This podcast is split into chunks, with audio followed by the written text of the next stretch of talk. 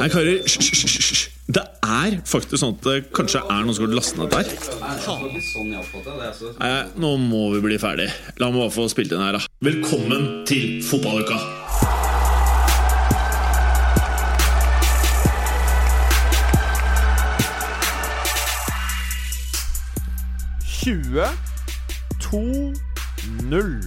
Ja, det er sesongen så langt oppsummert for Manchester City. Det er også 64-13. Det er nemlig mål eh, for og imot. Og 62 poeng. Eh, noe annet som har eh, skjedd siden sist dere hørte oss i Fotballuka. Det er en overgang på ikke ringere enn 75 millioner pounds. Det må jo være Ronaldo, kanskje? Nei. Nei, det er ikke det. Det er ikke Bale. Det er ikke Alexis Sanchez. Det er ikke Hazard. Det er ikke Dybala. Det er i hvert fall ikke Messi. Det er ikke Neymar. Det er en annen spiller. Og hvis du på en eller annen måte ikke har fått med dette her Er det Lillian Turam som er klonet i to versjoner og er blitt 23 år? For da kunne det vært verdt pengene. Nei, eh, det er ikke det heller, Berger. Men det er fint eh, at du ble med i introen. Takk. Det er ingenting som er hyggeligere enn det, Berger. det var jo hyggelig. Eh, fordi her uh, vi, vi, vi, Ja, ettersom du er inne i introen her, så må vi jo eh, bare starte rett på. Istedenfor å starte med mm, han ferdig til venstre her, så kan jeg starte med deg som er rett over her. Du er, ser jo nyfrisert ut, du nå. Ja, nyfrisert eh, sånn halvveis, men det er kaldt, syns jeg nå. Ja, det er kaldt. Jeg har vært uh, veldig frossen de siste dagene, og er også det inne i studio her nå. Men Du er ofte frossen, er du Ja. ikke det? Sånn Jo. generelt? Jo. Jo, du er det. Ja. Og så har du jo eh, gått for matrosuttrykket i dag, da, i studio. Ja. ja. Mm. For dette her sitter du da med en stripete genser i eh, hvitt og mørkeblått, og så har du da de fire ankerknappene på sida her. Ja, det er jo Bunell, vet du. Brunell. Nei, de som ikke kan uttale de kaller det Busnell. Busnell? Uttales Bunell. Ja, jeg tenker Busnell er litt mer meg, da. Hvordan har jula vært, eh, Berger? Du er jo en type som vanligvis eh, elsker julen. Og, Nei, eh, helt du er- dritt. Helt dritt. liksom. Å, Jeg liker å. opptakten frem til jul, for da er det julebordene og sånne ting. Ja. Så er selve jula er veldig trå, syns jeg. Hva syns du er verst med jula? At den tar så jævlig mye tid. Det tar jo over en uke, føles det. Eller det er jo det det gjør. Da. Men, eh, Det er riktig. Det, og det er, selvfølgelig har man noen fridager som er hyggelig, men det eh, Ja. Nei, det er veldig der det tar over, altså. Ja. Veldig, veldig tror jeg på 2018. Eh, Preben, Hei. har det vært en like jævlig jul for deg som for Berger? Jeg må jo øst og vest og nord og besøke alle familiemedlemmene mine som jeg legger igjen overalt i hele Norge. Så Ja. det blir ganske hektisk. Og det er nok en og annen skrikerunge som har fått noe fint under treet, regner jeg med i år? Det kan man regne med. Ja. Ja. Jeg har ikke gitt så mye gave, merker jeg, men uh, nei, det har vært ålreit. Det har det. Det var deilig å komme tilbake med en ordentlig kebab og ja. komme i gang med livet igjen. Ja, for du var jo selvfølgelig på grytelokket. Det var jeg selvfølgelig. Eh, hvor mange barn vil du si eh, du ikke har gitt gave til i år? Hvor mange, barn er, hvor mange barn er det i verden? 3,5 milliard, eller noe? Det er ganske mange. Har du jobba så hardt, ja? Ja, da er du blant uh, øvre 10 av Ja. menn i verden, vil jeg si. Ja. Nei, det har vært fint, altså. Ja. Det har det. Vært i fjells og Ja, Har du rukket å sende noe fosball, da? Ja, veldig mye. Ja. Det er faktisk det, altså. PL har gått i, eller? Det har vel gått i PL. Det er vel det det har gått i. Ja. Men uh, jeg syns jo mange av matchene blir litt uinteressante. Fordi, som vi også snakket om før jul, det er mange av lagene her som rett og slett legger seg i enkeltkamper Mm. for å spare spillere. Og det gjør jo hele matchen helt uinteressant. Mm. Så jeg føler på mange måter at Premier League ødelegger litt av sitt eget produkt ved å ha kamper så forbanna tett som de har. Mm. Det hadde de ikke trengt. Men uh, det er jævla gøy for de som spiller fantasyfotball, og Det er lett å følge med. kjipt for de som spiller fantasyfotball også. For at uh, på nyttårsaften så satt jeg uh, klokka ett på natten og prøvde å bytte på laget mitt. Og det ble jo helt random hva som skjedde. Ikke sant? Jeg så Tottenham var to kamper, og så blæh, Bare stå med samme lag i hele sesongen, sånn som jeg driver med. Det Ja. fungerer ganske bra, altså. Ja, det gjør ikke det, for nå begynner jeg å seile fra deg. Gjør du det? Ja. Ja. Og Du jeg, eh, jeg prøver hardt. Jeg bytter mye, og det er først nå jeg begynner å få Det resultater. er selvfølgelig en smell når, det, når Klopp begynner å spare Sala og Firmino og sånn. Det er en smell. Ja, det er en smell. Ja. Men uh, det er en smell for meg og det, for jeg hadde begge, jeg. Og Ja, selvfølgelig hadde Cotinch! Og Så det er tre spillere som ikke spilte, som kosta veldig mye penger. Uh, hva heter du igjen? det er godt spørsmål. Ja, Det er en liten identitetskrise. Jeg mener du het Morten i det Å nei, året. ikke dra identitetspolitikk inn i dette, her, vær så snill. Nei, kanskje ikke. Men eh, Morten Galaasen er navnet. Mm. Godt nyttår, Jim. Det ser ut som du har feriert i Thailand. Du er meget brun og fin. Det er nok mest eh, rødming. Ja, det er rødming, ja. Men ja. eh, kan jeg bare få si en ting? eh, Etter jeg har gått gjennom T-skjorten Ja, men din, dette, dette haster litt. Å, Ok. Mm. Fordi det går på det, de sjokkerende tallene Preben kom med. Fordi Ja, om barn, jeg, tenker jeg, du? da? mente å ha hørt at eh, en ganske høy andel mennesker i verden muligens stammer fra Djengis Khan, fordi han spredte seg jo i øst og vest, bokstavelig talt. fra Preben Ringerike? Men Ja, de er han, ikke heldige for verden i så fall. ekstremt mye i hver eneste landsby Ja, de det er tok det. livet av. Helt altså fra da Mongolia og basically helt frem til Ungarn. Men det, Tenk det. første tallet jeg googla meg fram til, da, fordi Preben virker jo å ha gitt opphav til halvparten av verdens befolkning, ut fra det jeg akkurat hørte. Han er faren din. Ja, så det er jo 50 eh, Det kan godt være. Jim lurte jo rett og slett på hvor mange barn jeg ikke hadde gitt julepresang til. Ja, det var det. Og det er jo strengt tatt ganske mange Ja. i verden. Ja, ja. Ja, men vi antar at det er de som ikke er dine egne. Du er en blanding Ja, av julenissen og Djengis Khan. ja. Men Djengis Khan uh, er visst bare sånn ca. en halv prosent av verdens befolkning som uh, Det er ikke mer, nei. stammer. Altså, det er jo enormt for én mann, Ja, men det er- Uh, det er ikke 50, sånn som Preben Nei. Nei. Nå kan du gjøre narr av T-skjorta. Nei, bare at Preben er Djengis Khan ganger 100, Jeg vil bokstavelig talt. faktisk- Ikke rart jeg er sliten. Jeg vil faktisk dytte litt George Best inni der også, hvis du skjønner hva jeg mener. Ja, Eh, han han, var heve- han var for mye driting, så han fikk aldri benderen. Så han fikk aldri forplante seg noe særlig. ja, han forplanta noe, i hvert fall. Han det? For han fikk jo Liam eh, Best. Ja, ja. Men det ble liksom Eh, ikke så mye ut, utover det. Det var et par, Ja, par til eller jeg tror det var noen flere. Og han har jo litt samme hårfrisyre som dere karer. Så dere vet jo hvordan den ser ut. Da. Her, til dere lyttere! Nå var det tre sett med øyne som så ganske stygt på meg. Ja. Dere begynte å ta dere nær av det. Eh, Morten, Ja. det var jo det du het sist, i hvert fall. Det står antilope på T-skjorten din i dag. Mm. Og det er vel ikke fotballag? Det er Så vidt jeg vet, da. mindre by utenfor eh, Sacramento. Ja. Og det er det jeg har å si om den saken. Bra. For dette her er det bilde av en pickup truck, og det står 'American Original USA'. Hvorfor driver du og kommer med dette her, da? Nei, eh, vi har eh, Det er onsdag i dag, Ja, og i mitt virke så har vi turdag med elevene på onsdager. Da tar jeg gjerne på litt sånn uh, expendable klær, da. Sånn som kan bli litt Finskjorta gjennomsvetta og eventuelt rive i stykker hvis det skulle gå ordentlig galt. Ja, Så du er ikke så redd for den T-skjorten der? Denne T-skjorta kan seile sin egen sjø. Og det kan jeg bekrefte for dere lyttere, at uh, den kan faktisk seile sin uh, egen sjø. Den var nok hot sånn i 01. 02. Jeg fikk den for drøyt to år siden. Ja. Eh, men eh, jeg har en høne å Du er jo uh, fotballukas stilikon etter Mats Berger, på en måte. Men jeg tror det er en T-skjorte jeg kunne kjøpt på slutten av 90-tallet. Ja, Faktisk. Ja, og en viss Ole som vi kjenner. Ja. Uh, når jeg studerte med han i Glasgow, så uh, fikk han nok muskler og mat i kroppen til at den satt meget tight i mange deler av regionen av overkroppen. Ja, hva er det du har en plukke med? Jo, eh, da, før vi tok juleferie her, Ja. så sa jeg at det sto eh, både en og annen flaske med noe godt i. Ja. eh, fra moderne media til diverse fotballpodkaster. Ja. Jeg er jo med i to Mm. fotballpodkaster her, og ingen Mm. av disse er blitt tilgodekjent med, med en flaske med noe godt i fra moderne media. Det Det du nevner der, Du må ta med administrasjonen. Blant annet med våre bitre erkefiender eh, toppfotball. Ja, De men fikk. det du ikke Jøsse navn. nevner, er at det faktisk står fire flasker med noe godt i her nå, uten etikett.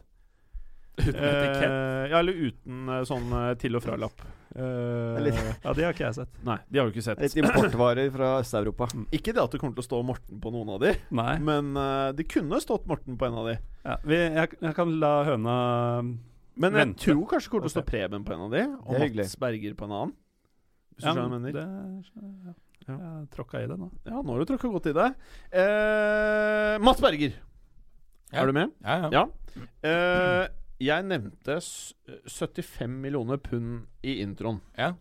Eh, og hvis jeg tolker deg rett, så tilhører du kanskje den skaren av fotballinteresserte som syns at dette var litt i øvre sjiktet av det man kunne betale for en sånn type spiller. Ja, for denne spilleren er jo dette helt sinnssykt. Hadde det vært liksom Canavaro og Turam da de var 23, og du visste du hadde ti år med det verdens.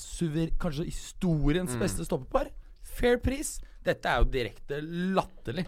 Ja. Eh, og det er klart at når du har en betydelig bedre, betydelig bedre Nederland stopper som heter Stefan de Vrie i Lazio, som har en kontrakt som går ut i sommeren, som kunne fått for 25 millioner pund, Han er klart bedre. Flere landskamper. Like gammel. jeg Er faktisk ett år yngre. Så er dette her direkte patetisk. Så kan du selvfølgelig si at øh, van Dijk har lederegenskaper, så kanskje han greier å få påvirket de andre forsvarsspillerne bedre.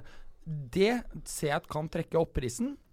Og så ser jeg elementet at uh, dette tapping up-situasjonen vi hadde i sommer, uh, og som gjorde at uh, relasjonen mellom Southampton og Liverpool gikk veldig sur, at de derfor også betaler noe ekstra for å bedre den. De har tross alt kjøpt syv spillere av Southampton siden Premier League startet, Eran startet i 1992.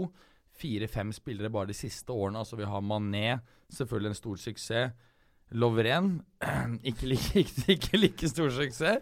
Eh, vi har også Nathaniel Klein, helt grei. Ricky Lambert, jeg vet ikke om du vil si at han er toppspiller. LaLana har vært ok. Men dette er for en, spill, en, en, klubb de har hentet mye spillere fra siste årene, så jeg ser også den biten. Likevel så er dette 30 millioner for høyt, uansett hvordan du vrir og vender på. Ja, det er fryktelig mye penger, men jeg tenker så først og fremst synes jeg det er utrolig vanskelig bare å forholde seg til overgangssummer om dagen. Altså, Liverpool har åpenbart pengene til å kjøpe van Dijk. Og de har funnet ut at van Dijk er mannen de vil ha. De har ikke pengene, men de får pengene når Coutinho forsvinner. Ja, det var det jeg også tenkte. Mm. Det kan hende, men de har i hvert fall funnet ut at det er mannen de vil ha. Altså, van Dijk uh, vinner statistisk 75% av hodeduellene. Der har de slitt i egen boks med å forsvare uh, det området. Vinner 75% av taklingen han går inn i. Uh, har mye fart, det sliter de med bakover i dag. Jeg syns fortsatt han ofte er litt ute av posisjon, van Dijk. At han ikke er helt skolert taktisk enda. Men uh, jeg vet ikke. Uh, jeg har jo sagt tidligere at jeg tror ikke nødvendigvis det er enkeltspillerne i forsvaret til Liverpool som er problemet, men at det er mer systemet som har vært uh, et problem for Klopp, da. Nå har vi jo sett de siste kampene at han faktisk har lagt om taktikken noe, og da ser jo plutselig Lovren ganske bra ut igjen, og, og Klavan ser jo faktisk ganske OK ut. Så jeg tror det har mye mer med system å gjøre enn enkeltspillere, men det, det, han er jo åpenbart en forsterkning, selv om det er jævlig mye penger. Ja, og så er det et, et annet uh, element som, i forhold til systemet. da, Så er det klart at Liverpools uh, backfirer lider jo også litt under at ikke det er en klar defensiv midtbanespiller foran som prøver å skjerme Forsvaret mest mulig. Ikke sant? Så men, men Uansett hvordan du vrir og vender på det um, Hvis han skal um, være verdt de pengene når vi, når vi gjør opp status f.eks. om halvannet år, så må prisene på spillere boome videre. Vi må ha første fire milliarders mm. signingen. Han må spille 100 hver gang, bedre enn noen annen forsvarsspiller har spilt. Han må få de andre spillerne rundt seg å spille like mye. Og Liverpool må nå få spillere ned mot gratisnivå av Southampton i overskuelig fremtid. De, de faktorene må til. At, men da har han vært det, altså. Det er fair enough. En trend i Premier League da er jo at Premier League-klubbene lar andre ligaer teste ut spillere. At de heller kjøper ferdig produkt. da Nå vet de hva de får uh, i van Dijk. Så han har spilt i Premier League, han har prestert i Premier League. Jeg, jeg, tror de har så mye penger nå, de klubbene, at de tør ikke Altså, de gidder ikke gamble. Men visste de ikke hva de fikk i Dejan Lovren også? Ja, det han var nesten like god i Southampton som det van Dijk har vært. Ja. Han også har lederegenskapene. Han har til og med hatt kapteinspinnet på en gang eller to for Liverpool. Uh, så det er jo ingen uh, automatikk i at uh, det van Dijk har vist i Southampton nå, er det han kommer til å vise i Liverpool. Nei, og så har han ikke spilt fotball omtrent på et uh, år omtrent pga. skader. Altså, det er ikke så lenge, men lang tid i hvert fall, så har han vært ute med men, skade. Men vi har, vi har, jo sett i et annet land, da, så har vi jo sett uh, kanskje verdens beste stopper i fjor, Bonucci, bytte én klubb for en annen. Uh, man kan jo egentlig ikke begynne å tenke at Bonucci bare over sommeren har blitt en dårlig forsvarsspiller. Eh, men der må man jo også kunne si at omgivelser, settinger, spillemåte og lagkamerater kan faktisk gjøre ganske store utslag. Eh, og da om du betaler 75 mill., og du, du da tar mm. en Bonucci, så kan det bli jævlig stygt for de gutta som sitter og, og styrer de greiene her. Men litt formildende her da er jo at uh, Jørgen Klopp vet veldig godt hva slags fotball han vil spille, og hva slags typer han trenger for det. Han er åpenbart 100 overbevist, for uh, de fikk jo på en måte De slapp unna i sommer, da de endte med å ikke kjøpe han for det som da var 60 millioner pund, eller noe sånt. Har da hatt hele høsten til å finsikte og vurdere andre, og svarer da på det eh, med å sprenge banken for den spilleren de i utgangspunktet ville ha. Nei, akkurat Det er jeg enig i. Det, det, er eh, et veldig godt poeng at Klopp har faktisk truffet veldig godt på de kjøpene som har vært hans toppvalg. Eh, enten vi snakker om Mané eh, eller Salah osv. Firmino var det også han, mon tro? Mm. Ja.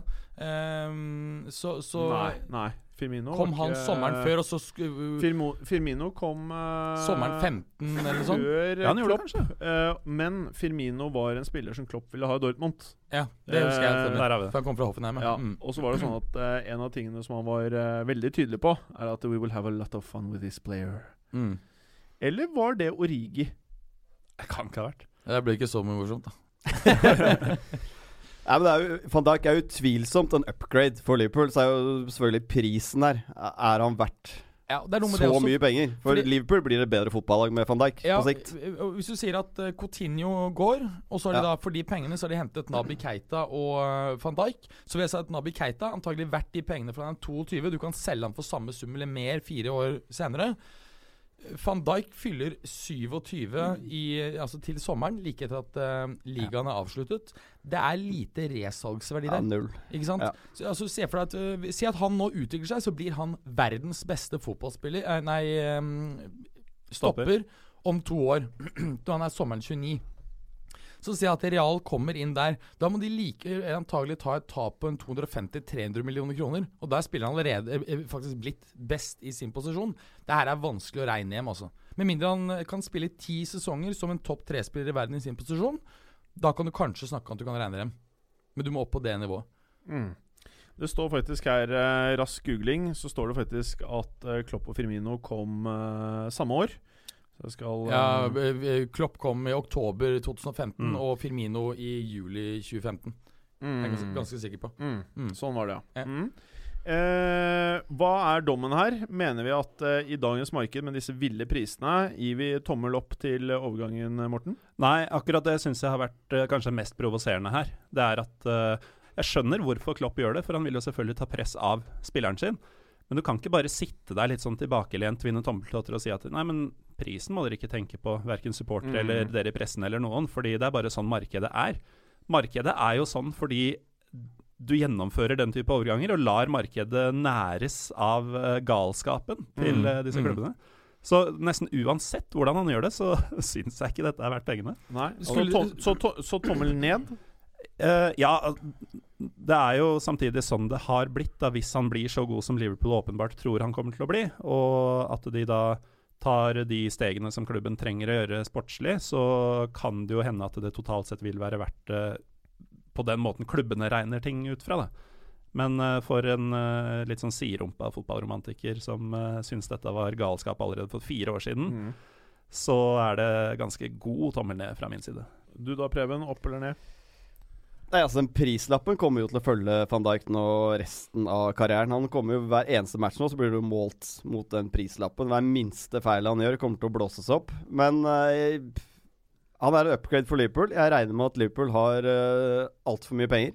Og at de derfor uh, svir av det på den mannen de mener at uh, styrker laget, og gjør de uh, til en utfordrer da til, Mm. eh, til å vinne titler.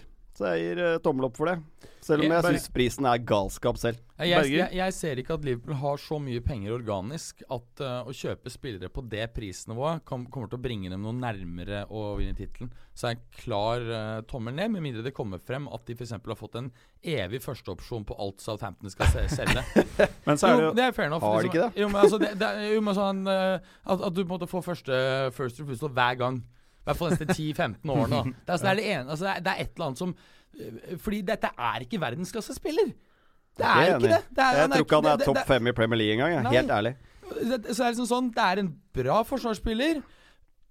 Du kan sammenligne det med kanskje at um, samtidig som Zidane gikk for 75 millioner euro, så gikk Ole Gunnar Solskjær for 80. Det er Altså, sånn at It just doesn't make sense da i forhold til andre tilsvarende overganger. Det er, og så kan du si at Hvis Solskjær hadde skåret 470 mål på 280 kamper, ja, da ville han kanskje vært verdt det, men da på en måte steppe voldsomt. Dette er bare Det er jo bare til å begynne å le av eller grine etter faen. Og så er det jo bare for å gå litt videre på det du sa i stad, Mats, om eh, strukturen, som jo er det store problemet defensivt for Liverpool. Jeg er enig i at de trengte for så vidt en oppgradering på stoppeplass, men det er ikke der det er verst. Altså, De mangler dette åpenbare skjoldet foran. De har jo ingen venstrebacker som er i nærheten av god nok for championship. Og de har to keepere som eh, i beste fall er topp 15 i Premier League. ja, de koster det mye poeng. Ja, Mm. Så de tre posisjonene, å bruke 75 millioner på å forsterke to av dem f.eks., tror jeg ville vært mye bedre butikk. Ja, det, det, det her er bare Men mindre det er slik at dette Fenway Sports Group er det heter, som eier Liverpool, plutselig nå at ok, vi har to milliarder dollar, og de skal vi brenne i løpet av 36 måneder. Da kan vi begynne å skjønne det om, om 36 måneder, men det er noe sånt som ligger bak her. Eh, de har klar informasjon om at FFP, eh, altså Fifa Financial Fair Play, eller hva det heter, skal, skal legges ned. Ja, eh, og de skal bruke insane mye mer enn noensinne noen har prøvd på en gang. Da kan jeg på det, at de bare skal begynne å røske litt opp i markedet her. Dette er bare en start. Han er tiltenkt en benkplass om 18 måneder. Da kan jeg skjønne det, men hvis ikke det er noe sånt, så er det vanskelig å, å, å skjønne logikken her. Altså. Bra, Berger. Eh, over til eh, andre transfers eh, for eh, januarvinduet. For ja, nå er det januar 2018, folkens. Og godt nyttår til deg eh, som hører på dette her. Hvis vi glemte å si det i åpningen, tror jeg faktisk vi gjorde. Jeg ble så um, Kan jeg få ja, si en, ting ting? Ja, gjør det. Og det også, kan, kan, kan på en måte også se et Hørte du nå det jeg sa nå? Nei, jeg var, jeg, nei, men det er noe med at Liverpool har bygget en De er en mye hottere stall enn det de har hatt. Så lenge jeg kan huske, for de siste 20 årene. De har aldri hatt så mange toppspillere. Det er også et annet element her. De vet jo at det kommer til å komme klubber her og skal ha der. Det er mye lettere for dem nå å si Sala, ja, men det er 350 millioner, det. Ikke sant? Da kan de, altså, måte, de, kan, de, de vet at de kommer til å måtte selge. Og det er antagelig lettere å sette da tullepriser på spillere og si at hei, se, vi kjøpte han idioten her som er helt middels på 75. Da må han være i hvert fall tre ganger så mye. Altså, helt ærlig. Da er det en genial investering. Ja, det, det, det, Det var dritsmart, det du gjorde! det er den eneste er angle- investeringen du kunne gjøre. det er det eneste angle. Det er, det er hør her, nå startet PSG. Nå bare kjører vi markedet opp i en sånn turbo-mode som gjør at bare Hei, Nathaniel Klein. Eh, det er 100 millioner euro. Altså, ikke sant? Jo, men hør, han er jo bedre. Ikke sant? De kan begynne å bare si at Og så kjøre de, de kjører alt opp voldsomt, og så kan de bare peke på den prisen der hele tiden. Ja. Men uh, nå Det er den eneste uh, På en måte oppsiden jeg kan se. da Veldig bra. Det, det du gjorde nå, var bra. Så når Salah går til Real Madrid til sommeren, så blir det for 200 istedenfor 100. 200 istedenfor 100. Ja. Det kan Real Madrid leve med, kanskje. Ja. Eh, folkens, for januarvinduet som eh, allerede har startet, men som er i eh, vente eh, vi, Når jeg hørte på det vi spilte inn før 2018, så eh, var vi faktisk innom Og man trenger ikke være rakettforsker for, eh, for det, men vi nevnte faktisk da denne overgangen her, altså van Dijk, som er en potensiell overgang. Nå har den skjedd. Hva annet er det vi kan se for oss nå, eh, Preben? Utrolig vanskelig å si. Skal vi holde oss på Balløya først, eller? Det er kanskje det vi forholder oss Det er til? vel det vi gjør i Det er dag. det vi gjør i dag, ja. Riktig. Um, Programmekker Preben. Ja. Um, Ross Barkley kommer det til å skje et eller annet med i januar, det er jeg ganske overbevist om. Uh, om han signerer en kontrakt og går til sommeren til en eller annen klubb, eller om han går allerede nå i januar. Uh, det er vel de to uh, scenarioene det er som er sannsynlig. Det ser ut som det blir enten Chelsea eller Tottenham. Den var veldig nære Chelsea i, i sommer. Så um, Barkley skjer det, skjer det noe med, uten tvil. Og så er det jo disse Arsenal-gutta, selvfølgelig, hvor det må komme en eller annen avklaring. Uh, Sanchez og også Jack Wilshere, faktisk, som har startet uh, de fire siste kampene nå for Arsenal, er det vel. Og, og også er på en utgående kontrakt. Kan hende det er klubber som velger å plukke opp han også. Eller om han signerer ny, ny kontrakt med Arsenal. Ja, det har vært snakk om, om ny kontrakt der. Eh, Siste jeg leste var jo at eh, Arsenal ikke startet å um, prøve å forhandle om ny kontrakt med Øzil før forrige måned. Så hva ledelsen i klubben driver med, det Hvis det er sant, så virker jo det veldig veldig spesielt. Men, men det er veldig mye som... så er det først nå det er nå gått ordentlig i dialog. Da. Det er jo lovlig sendt. Ja. Men han er, han er det jo faktisk mulig at blir. Men uh, Sanchez er jo uh, Det er jo free transfer til City, tror jeg, uansett hva som eh, kommer. til eller, eller om City blar opp pengene nå. Ja, det er er jeg, syns. City, så utrolig gode som de er, da, så har de jo litt tynn dekning uh, offensivt. Det er så sykt. Ja, de, det er det sykeste jeg har hørt på lenge. Ja, det er Hvor tok du dette fra? nei, fra meg selv. Jeg mener de har litt tynn dekning. Altså Når du skal ut i de tøffe Champions League-kampene på slutten, Da må du ha firedobbelt da i alle. Nei! Mener du tynn dekning, eller mener du Real Madrid i fjor-dekning? Eh, Real Madrid i fjor-dekning. Ja. det altså, det er ikke altså, Men- Misforstå meg rett, men de hadde hatt bruk for Sanchez i ganske mange deg- kamper. Jeg tror han hadde startet veldig mange kamper for City. For oss som faktisk gjennomfører bytter på fancy fotball, så er det så mye alternativer fremme på banen at det nesten ikke går an å ha City-spillere fremover. Fordi du vet ikke hvem som spiller og hvem som ikke spiller. Bortsett fra nå, da, hvor eh, Jesus er uh, skada. Så kan du kanskje håpe på at Aguero starter i hvert fall de neste eh, fire til ti ukene. Men uh, ja, jeg vil ikke si at uh, De må vi- ikke ha noe. hvis Men- vi vrir på det du sa, da, og sier at det er Sanchez en upgrade til det de har Ja, det vil jeg si at han er, men jeg vil ikke Ja. si at uh, Og det er sykt å si også, fordi de er så jævlig gode, de de har. Ja, men uh, Sanchez Jeg vil jo si at eh, hvis han ikke er lei seg sånn som han er nå, hvis han var sånn som i fjor, så er han topp fem-spiller i verden for meg. Ikke langt unna. Ja, Mm. Jeg syns det jeg så han i fjor, var helt uh, vilt. Kanskje ikke samme stabiliteten som Ronaldo og Messi har hatt uh, de vasseste årene, men uh, ekstremt toppnivå, altså. Og arbeidsmoral som enhver liksom, moderne trener setter pris på. Jeg kan jo bare tenke meg liksom Mourinho, Guardiola og Conte. De er nok våte både foran og bak nedentil når de hvis, hvis de får muligheten til å signe han fyren her. Det er ikke en klubb som ikke tar han.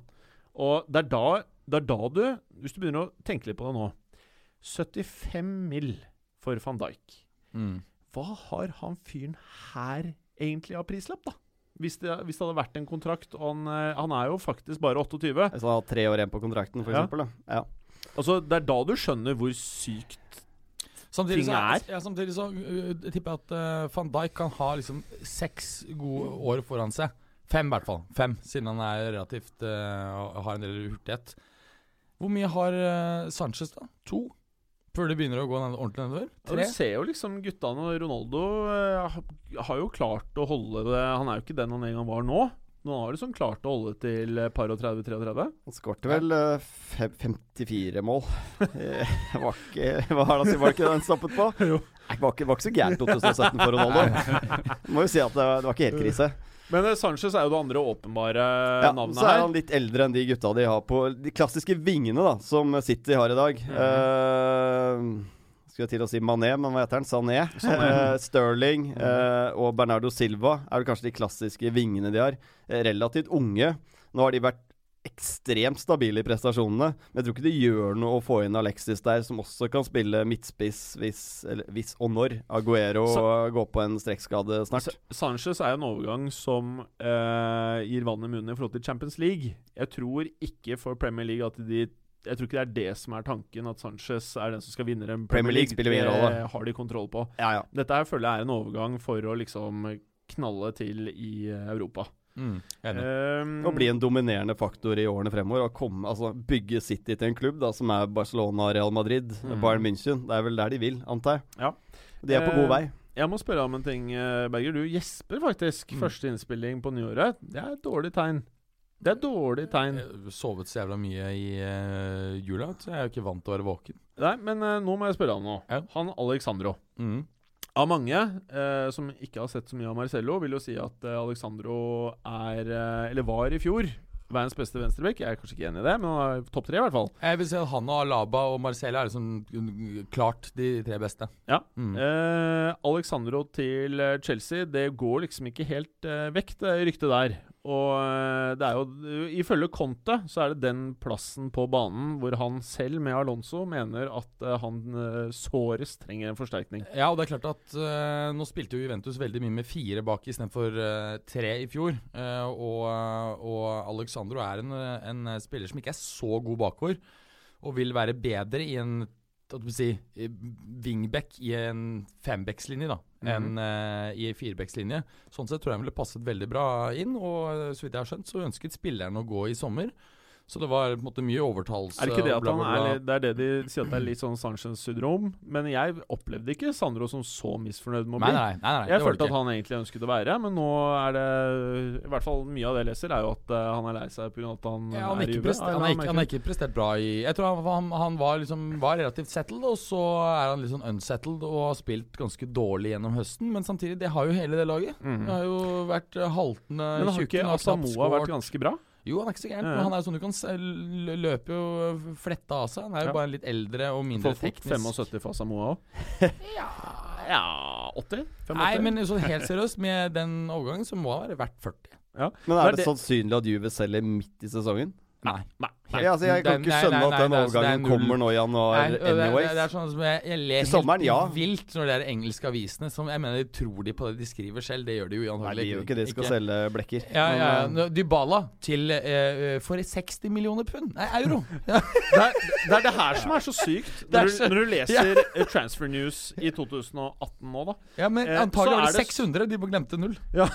så er det så sjukt når vi eh, bare la oss, Vi kan liksom ikke være helt ferdigpratet med van Dijk-greiene. Det kommer til å gå noen uker fremover. Eh, I hvert fall når transfer-vinduet er åpent. Når du sier 75 for van Dijk, pund og så, som Berger sier, 60 for Dybala ikke Det er ikke lov å skrive det engang. Nei, det, Du det bør, helt hvis du skal være seriøs, du kan Ja. ikke engang ha det som et rykte, da. Da må du det er sånn legge, det legge på en hundrings, så, så, ryktet er 160. Ja, og det er ikke kødd! Nei, og da, Jeg mener det. Ja, Men selv da er det litt ganske lavt. Ja. Det ene er på en måte potential world, world beater, det andre er liksom en, Ja. en Southampton-stopper. Og for en uh, jo, jo, men det er og, sånn og for en gjengs Real Madrid-supporter så uh, kan jeg uh, begi meg ut på det og si at det er ingen som eh, jeg tror Real Madrid har mer eh, bruk for i årene fremover enn Dybala. jeg, jeg, jeg håper det går til eh, Jeg ikke drittlei av han jeg nå. Så er jeg, Hva er det det? Ja, ja. Hvorfor det? Hvorfor det? Nei, jeg er så mye sutring. Åh. Så Se syns jeg jeg fortsatt han er ujevn. Ja, ujevn. Jeg liker Veldig. så, sånn spiller Ja, jeg liker. er, Det er det- sånn spiller som bare holder kjeft og jobber, sånn som Medi Benatia. Kommer inn veldig rufsete fjorår. Vært kanskje Europas I hvert fall topp tre stopper i Europa gjennom høsten her. Holder kjeft, ikke noe klaging, skal ikke noe annet sted, og har lav lønn. Da kan dere- Det liker jeg. Da kan dere beholde Manzukic, han liker jeg også. han, Ja. og så tar vi bare Dybala. Ja, og Tjukken, han liker jeg også. Han kan benkes og øh, går ned i vekt når han blir pressa til det. Fine folk. Han går ikke veldig mye ned i vekt. Han har sånn- vært tyngre i shortsen sånn- enn noen gang de Ja, siste par månedene. altså, det er sånn at han løper ikke mye om dagen. Når det Altså. er mye kritikk, så står i hvert fall ikke drakten ut som sånn telthus. La meg si sånn, Den overgangen har jeg tenkt litt på gjennom julen og tenkt på at fy faen så dårlig det var. Altså, Og men du nekta bare- for det når han gikk dit! Nei, men så var du litt nei, sånn Ja Ja, hvis vi vinner Champions Nei, det jeg sa først, var at de og de tingene må på plass før det skal være en suksess. Og de tingene har ikke falt på plass. Ikke har blitt Champions League, og ikke har han skåret nok Men han var delaktig i å dra dere til finalen. Det var han, med et par mål. Uh, Icardi for eksempel, har vært en mye bedre um, overgang for, for samme sum. Og Men han også har slukna nå de siste ukene. ja, men det er liten så- dupp. Han har tross alt levert mål selv da Inter var helt dritt. Det er en toppspiller, ass. Men så må jo ikke vi gå i den fella som veldig mye fotballfolk gjør. Vi, vi, altså Fotball er ikke et par uker. Ikke sant? Det, er, det, er, eh, det er over tid. Ja, ja. Og, og uh, Icardi ville jo vært uh, mer en Juventus-signing eh, åpenbart Mm. enn Higuain. Ja. Det var veldig overraskende på mange måter. Men som type så er veldig Higuain Juventus. Hardtarbeidende, litt sånn beskjeden. Eh, ikke oppføre seg dårlig mot andre, sånn som eh, Hva er det som er greia? At hvis du har striper nedover, så synes det bedre at du er tjukk? Eller er det bortover? Bortover. Ok, så han burde Ja. gått til Celtic. Nei, nei, eh, Nei, han har jo riktige striper. Det er bare Ja, at han så er så så tjukk eh, da, da ser du tjukk ut. Ok, Så nedover så han er egentlig Ja, ja. enda tjukkere Ja, enn ja. det det ser ut som? Ja, ja. Hvis han hadde spilt for QPR, da hadde han vært kjempe.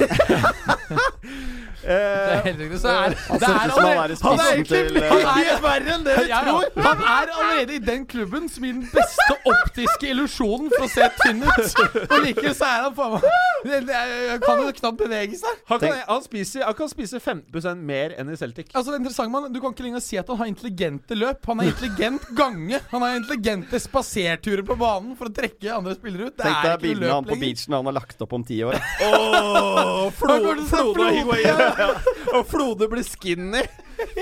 Men uh, folkens, andre store overgang Du eh, Hva er det heter en uh, eh, Du har så mange navn på meg. Morten.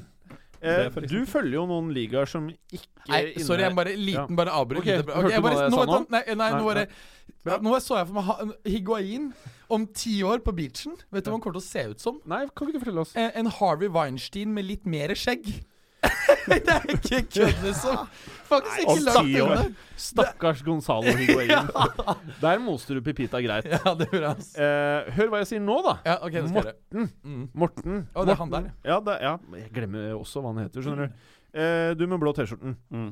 Eh, noe, du følger jo ligaer som ikke alltid er blant eh, de tre ligaene som bruker mest penger i Europa. Ja, de som ikke får mest snakketid i studio her, føler jeg. Ja, ja, ja, nettopp. Eh, er det noe som kan bevege seg eh, Nummer én, er transfer-vinduene åpne i alle disse obskure ligaene? Og er det noen spillere som kan gå til og fra engelske klubber, spanske klubber, italienske klubber, tyske klubber, franske klubber?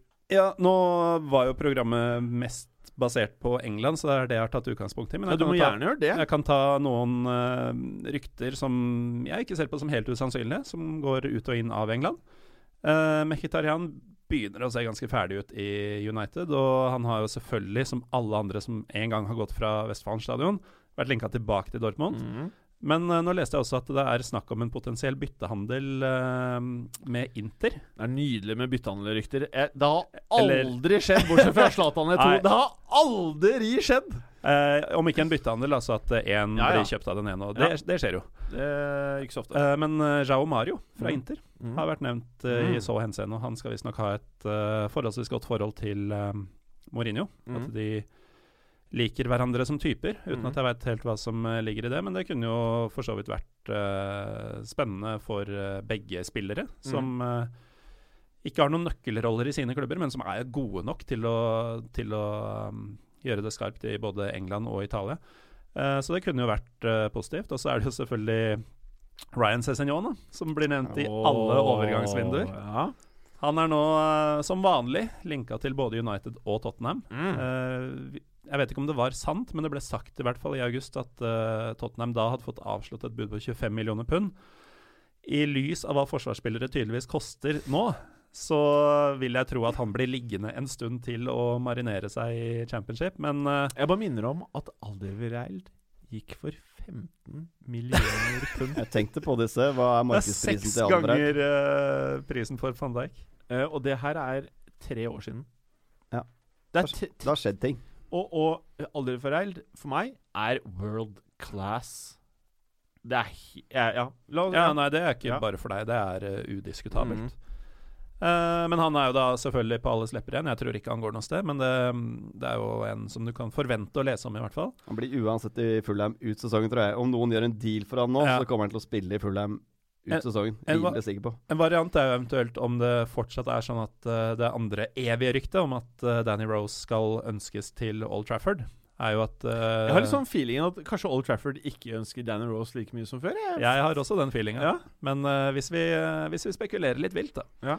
Så kunne jo det skjedd. Og så kunne Tottenham da vært uh, blide og fornøyd med Ben Davies uh, et halvt år til, og kanskje bare sikra seg at uh, fått Cézignon Luke. Shaw, gjort Luke Shaw til uh, Englands beste uh, venstreback. Jeg har vanskelig for å se at Luke Shaw noen gang blir en eh, toppspiller. Ja. Det virker som det er noe mentalt der som ikke er helt eh, riktig. Han har fått cash money, da. Ja. Hvis du skjønner hva jeg mener. Han har fått cash money. Ja. Men uh, jeg har spart det beste til slutt, da. Eh, indrefileten. Når du først spør om litt mer uh, obskure ting. Ja. Uh, Hoffenheims playmaker Kerem Og for dere lyttere som ikke så ansiktet til han som heter Morten her, det bare lyste opp med en gang det ikke var liksom uh, mainstream. Ja, nei, Jeg leste i dag vel at uh, Kerem Demirbay, 24 år gammel playmaker hos Hoffenheim, han er uh, linka til både Arsenal og Everton. Og dette er en type som uh, han, er, han er en gjennomført playmaker-type. Har spilt en del som innoverkant på, venstre, nei, på høyresida. Han er venstrebeint. Uh, men denne sesongen hovedsakelig som tier, og gjort det forbilledlig. Akkurat det Everton trenger. Uh, ja, ikke sant? Det er litt morsomt at han er linka til Everton. Jeg tenker jo først og fremst hvis det er noe hold i Arsenal-ryktet. Han er for øvrig fryktelig god på dødball, så der får du en, en solid bonus. Men hvis Øzil forsvinner, så kunne han vært en uh, slags First Price-erstatning for han. Uh, og litt sånn derre Arsenal er der de er nå. De er ikke på vei oppover. Uh, kunne like gjerne prøvd han fram til sommeren, og enten så får de en knallspiller for en relativt billig penge i dagens marked, uh, eller så må de uansett ut og blåse cash for å erstatte de to store til sommeren. Mm. Men det er en mulighet. Ellers er det da enda en i hundespannet som Everton eh, samler uh, i posisjon bak spissen de ikke har. Men han kan det jo få. Nettopp. Og jeg tenkte litt på det at uh, Kerem han har vel fått landskamper for uh, Tyskland nå, men han er jo åpenbart av tyrkisk opphav, uh, derav navnet. Everton virker å mene alvor med Cenk Tauson fra, fra Besiktas, og som et ledd i å få han til å finne seg til rette, så hadde det jo vært fint med en uh, mer eller mindre jevnaldrende fyr som snakker samme språk, kommer fra samme kultur osv. At de tar det som en investering, rett og slett. Apropos det, Daily Mirror har skrevet at uh, Mourinho er lei seg, frustrert og forbanna på uh, at uh, Woodward ikke gjennomfører Danny Rose-signeringen i januar. Ifølge Daily Mirror. Som Ja, men han, han gjennomfører. han- Jeg tenker det er sånn, akkurat som bare opp til Woodward å gjennomføre. Bare kjøp, da! Men, eh, Ja, men Det hadde sikkert solgt hvis de hadde hosta opp 50 millioner pund. 75, mener du? Ja, nå, er, nå er faktisk prisen opp mot 75. Altså, Rose er 80 glatt. Men Det eh, er for dyrt for Danny Ross, for å si det sånn. Uh, Så god er han ikke. Men en Du tar imot det. Ja, vi tror at Spurs gjør det, men eh, jeg tror ikke United er villig til å betale 50 for uh, Men da kan jeg kanskje komme opp med et langt bedre og billigere behov eh, Nei, alternativ igjen, da. Som jeg vet at United er interessert i, og som har en kontrakt igjen som går ut til sommeren. Og det er um, Napolis eminente venstrebekk Fauzi Golam. Har han bare kontrakt ut året? Yes. Nei, ja, til sommeren. Mm. Ja. Uh, og ut sesongen. Og uh, står med to mål og tre sist på på elleve kamper. Ehm, Står vel uten kne òg, for øyeblikket. ja, han er helt riktig. Det at er han jo er, eh, det, ikke er, ideelt. det, er, det er ikke ideelt. Han er skadet. Det er helt, eh, helt korrekt. Skrev ikke Napoli ny kontrakt med han? Lurer jeg på. Nei, da han det er tok jeg ganske sikker på at For å være kule. har. Men uh, Jeg skal ikke si det 100 sikkert. Mens du det tar jeg på googler litt, uh, Berger Poenget er at, så- er at ja, Napoli har, eh, har funnet uh, de to alternativene til erstatter. Den er Grimaldo mm. eh, hos Benfica. Den andre er Matteo Darmian. Så du kan Mm. kjøre en, en straight swap.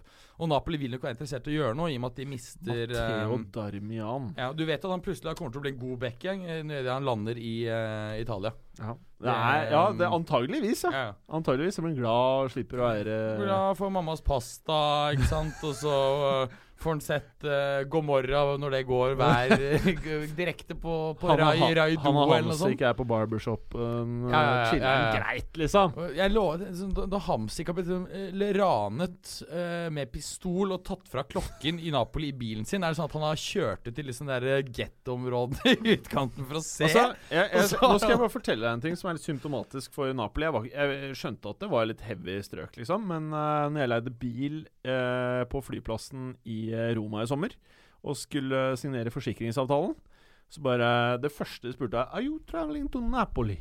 Så sa jeg bare Don't think so. You have to say yes or no. Så sa jeg no. Good. It's very good because it's the only place you can go with this insurance. Da skjønner du at det er heavy. Nei, det er fakta. Og, eh, det, og så bare så jeg på eh, kjæresten min Kristine, og så eh, sa jeg eh, Hva skjer med det? Er det så heavy der? Så hun også var liksom Jeg visste at det var noe mafia, liksom. Men det var, så spurte hun dama i skranken bare Is it a bad place, liksom? Are you kidding? It's the baddest place. Og så sa hun da at uh, søsteren hennes hadde blitt rana der, broren hadde blitt rana der, og uh, søskenbarna hadde blitt rana mens de satt i bil. Tre forskjellige sekvenser. Mm. Og det sier jo litt om eh, hvor heavy det faktisk er der. Men jeg tror jeg er veldig områdebestemt. Jeg tror ikke det er noe problem å dra ut måte i det sentrale Napoli. Men uh, i, i enkelte områder er det knallhardt. Hva er det dere to eh, uten hår eh, drev og hvisker og tisker om? Bare et sideprosjekt. snakke Ja. om eh, kan jeg spørre om en ting, Preben? Kan, kan du ta litt situasjonen til Liverpool Ja, sånn generelt. i transfermarkedet? Ja, de må ha gjort seg ferdig. Du kan ta det hvis du Ja. vil. Ja, Eh, dere dere hadde jo rett med hensyn til han uh, Fauzi Golam. Det har Ja. faktisk gått helt under radaren min. Ble undertegnet nå like før jul. Eh, Bra. så, Men det er eh, hot news. det- det, det- det, er det er- sikkert ja. mange som ikke har fått med seg det, inkludert Men- men- men, eh, eh, kan, kan jeg bare ta en ting nå? Yes. Jeg tenkte bare skulle si noe. Eh, Liverpool er jo en sånn eh, situasjon nå hvor jeg føler at akkurat sånn som du sier, Berger, det er, det er mye bra spillere der nå. Eh, og jeg syns egentlig alle blir bedre år for år. I hvert fall de offensive spillerne. Er jo de vi egentlig I hvert fall jeg refererer til når jeg prater om Liverpool.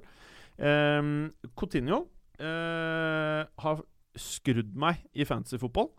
Uh, og jeg leser Og det var liksom Jeg tenkte akkurat som på alle Liverpool-sidene at uh, ja, ja, det er Nike. Dere fikk med det? Nike Ja. la ut uh, Nå kan dere kjøpe Coutinho-drakt med Barcelona. Eh, at det var liksom noe hackere. Og så eh, tok det ikke lang tid før det begynte med enda mer eh, news rundt at Coutinho var lei seg, han ville til Barcelona, og han ville dit nå i januar. Um, det som liksom føles litt med Liverpool nå, da, det er at uh, jeg tror uansett at uh, sånn som jeg opplever Liverpool nå, hvis de beholder Coutinho, så føler jeg at det blir topp fire og at det blir Champions League for Liverpool uh, til neste år. Det føler jeg. Hvis de selger Coutinho Jeg tror ikke om de velger å bruke 100 mil eller 150 mil, som er kanskje det de får for Coutinho til sommeren av Barcelona. Jeg tror ikke de får en like for like, og jeg tror heller ikke de får en spiller som er i nærheten og er like bra som Coutinho til Liverpool. Så da er spørsmålet Hva burde, når vi nå en gang prater om transfers, da selv om dette mest sannsynlig skjer i sommer, hva burde Liverpool egentlig gjøre? Burde de bare gjøre sånn som Ferguson gjorde i gamle dager, bare si at eh, fuck it, du får ikke lov til å stikke. Du blir her, eh, og så får du syte. Ellers kan du spille fotball. Det er umulig å svare på, med mindre man ikke vet hvordan Coutinho oppfører seg i garderoben. Vi vet ikke. Er Vi kan bare anta. rasshøl, så Ja. er det bare å selge med en eneste gang. For jeg syns ikke Liverpool er så mye dårligere når de mangler Coutinho. Spilt uten han et par kamper nå. Men det det du sa om City, da, Preben, med bredde, det er Ja, det det dreier seg om her. Det er helt enig Uten og Coutinho de. så er det én skade, og så er de plutselig ikke det sexy greiene fremme på banen som de faktisk ser ut til å være. Men hvis han velger å oppføre seg som en idiot, så er det kjipere å ha han der. Det gjør hele Mm. laget dårligere. Så da må de bare kvitte seg med. Så det kommer helt an på hvordan uh, Coutinho tar dette her. Mm. Hvis det er sånn at han ikke gidder å spille fotball fordi han vil til uh, Barca, så mener jeg jo like gjerne bare kan Sorry, altså, det er kjipt at spillerne har så forbanna mye makt som de har, men sånn er livet. Jeg er jo helt uenig i det. Jeg mener at man kjører den uh, Fergie-stilen. Du bare suspenderer spilleren og setter dem på benken. Mm. Etter, Ja, jeg- bare er knalla. Om det tar ett sesong, to sesonger, bare gjør hans liv Husk på at du er enig, kan gjøre hans liv ja, ja. Du kan gjøre hans liv til et mye større helvete enn han kan gjøre ditt. Ergo så gjør du det. Ja. Men problemet er hvor mange år Er det noen som har oversikt over det? Hvor mange år det er igjen på kontrakten til uh, Coutinho? Ja, det, ikke det- jo det, men han går jo til sommeren uansett. Det er det er, om nå jeg mener at det er ganske mye. At det er uh, tre år, eller om det er fire. For det er jo ikke så sinnssykt lenge siden han tegnet eh, ny kontrakt. Liverpool er jo faktisk en klubb som alltid er det å ikke selge en spiller unna å være liksom bygge et lag for alltid, da. Altså, hadde du ikke solgt Stirling, hadde du ikke solgt Suárez Altså, Han tegnet fem og et halvt års kontrakt for akkurat et år siden, så er det fire og et halvt år igjen. Ja. Altså Her er det bare å la han få ett år på benken og roe seg ned, altså. og så gi han nytt kontraktstilbud etterpå. Jo, jo. Men jeg, jeg, jeg mener at Liverpool te, burde være mye hardere på det. Enkelte klubber vil faktisk tjene på en softere linje, sånn som Juventus gjør. Holder ingen spillere. Det er fordi Juve signerer ikke spillere, middels spillere til 75 millioner pund. De henter de på free transfer. Eller betaler 92 millioner for en tjukk fyr på 29. Ja, ja, ja. ja 90 var det. ok, det var en crazy, veldig ujuventus. Ja, sorry, det, det, var, det var det. Men ikke sant, det, hvis du på en måte har det som en del av strategien, at du skal få plukket ut ja, si en tredjedel av de attraktive free transfers som er i Europa, da. Da kan du på en måte skjønne det. Men Liverpool gjør jo ikke det. Nei. Ikke sant? Dermed så mener jeg at de burde kjøre en mye hardere linje, og bare uh, kanskje bruke det halvåret nå på å kjøre Coutinho ned mentalt knestående. Og for eh, jeg, jeg føler at alle vi er nøytrale i forhold til Liverpool, kanskje med unntak av deg, eh, eh, Morten. Så er det jo sånn at det, det er jo veldig trist å miste en av de spillerne som utgjør eh, Kanskje igjen da et av de morsomste lagene å se frem på banen i verden akkurat nå. Men for oss som ser veldig mye La Liga, Ja. så er det jo bare stas. Ja, det er jeg helt enig. Det er jeg helt enig i. Men uh, til gjengjeld, jeg syns det er eh, morsomt å se Coutinho som uh, en spiller som utvikler seg i den klubben han er i nå. Jeg er ikke sikker på Kanskje tar han nye steg i Barcelona, hvem vet. Noe annet uh, du ønsker å ta for deg, Preben? Uh, Liverpool de tror jeg fort kan uh, miste en spiss eller to. Sturridge eh, tror jeg går ut på et lån. Eller Danny Ings, en av de. Eh, eller begge to. Eh, at begge de to fortsatt er i klubben eh, etter januar, det har jeg ingen tro på. Jeg tror Sturridge til Southampton på et uh, lån tror jeg er veldig sannsynlig, sånn som det ser ut nå. Ja, ja. Uh, I og med at uh, Pellegrino går ut og sier at vi skal ha en spiss. Mm. Ja, Og tror, Sturridge, og jeg tror Sturridge kunne gjort det veldig bra i en klubb som Southampton, hvor han Mm. blir litt stjerna igjen Men og spiller De, hver de kamp. fleste som har spilt i både Southampton og Liverpool, gjør det jo vesentlig bedre i Southampton. ja, ja, det er godt. Det interessante er jo og, og, og, og når disse to klubbene nylig har gjort forretninger sammen Hva vil et halvt års lån eh, av Sturridge eh, koste, da? Fair? 20 millioner pund, hvis du skal uh, legge Jo, men Ja, ja. de, de trenger en uh, spiss. De greier å surre seg ned mot streken. Mm. I hvert fall 10 pund under det, så er Liverpool helt uh, blåst. ja jeg, men jeg tror uansett det er like greit for Klopp også at Sturridge forsvinner til en annen klubb, sånn som det er nå. Ja, Han har ikke bruk for den i det hele tatt. En annen fyr som, jeg, som kan forsvinne, er Bachuay. Ja. Uh, at om han endelig ender opp i Westham, holdt jeg på å si, det er jo ikke usannsynlig, det heller. ja. Han også kunne vært, eh, hvis Jenk-avtalen går under, kunne vært en type for eh, Everton. Definitivt. Tror han kunne gjort det bra i de fleste klubber.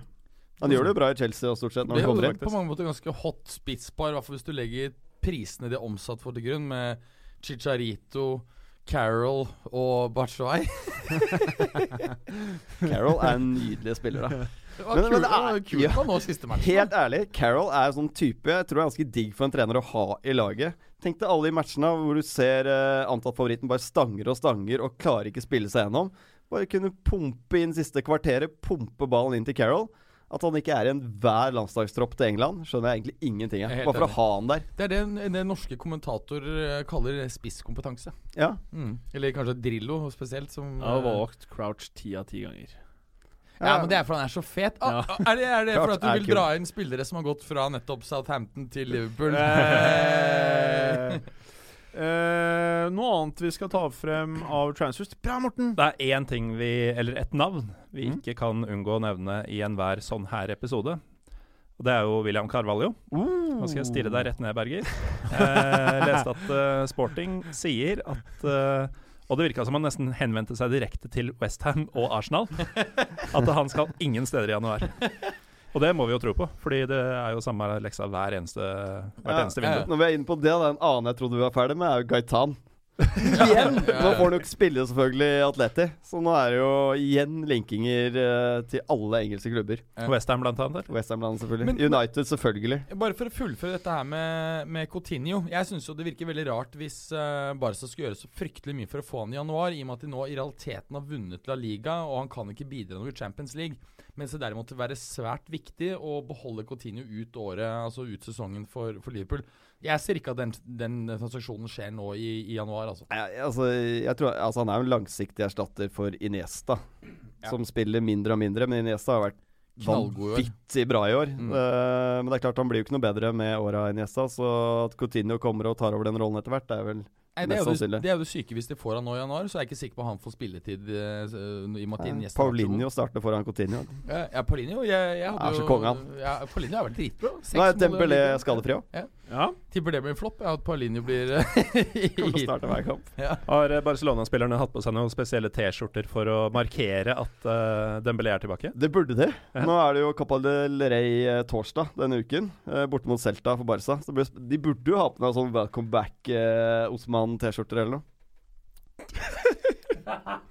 Hvilket sosialt medium var det der til, Jim? Nå filmet jeg nok et gjesp av Mats Berger på Instastoryen til Fopalluka! Og den var, den var godt zooma inn også. Da Ja, zooma bra der, uh, Burger.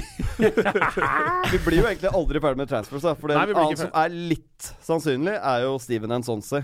At han uh, forsvinner til en eller annen klubb på Balløya.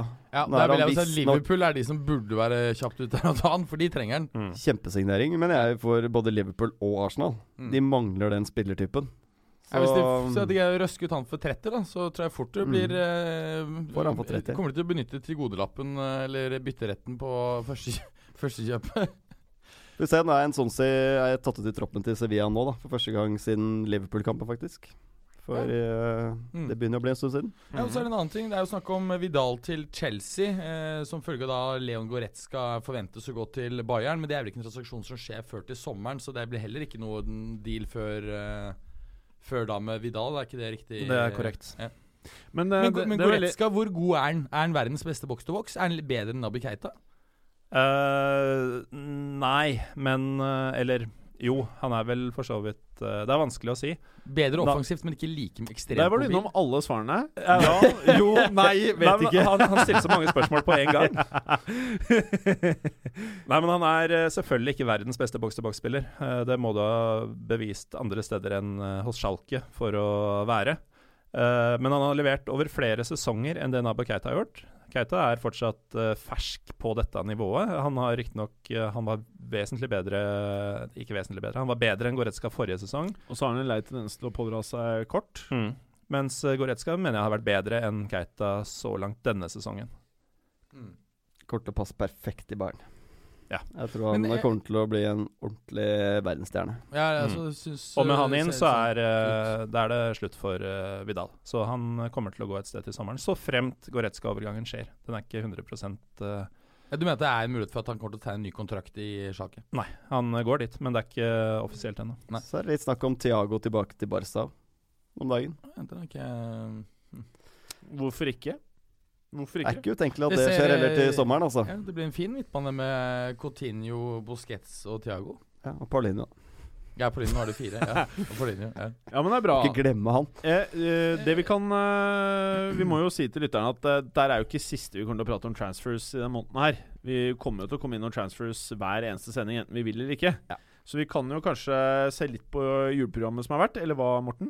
Det kan vi gjerne gjøre. Kan jeg stille ett spørsmål? Ja, hørte du noe av det jeg sa nå? Eh, ja, vi skal komme tilbake til det senere. Det var derfor jeg bare Ja. hadde en liten Det var I og med at det er en klubb i, i, eh, nordøst-Italia Ja. som, heter, som er fra Milano, som er Ja. litt sånn eh, Ja, det går ikke sånn 100 der. og Du er veldig opptatt av kompasset når du prater om Italia. Ja, kartet tenker du på. Ja, kartet, Ja. kart kompass.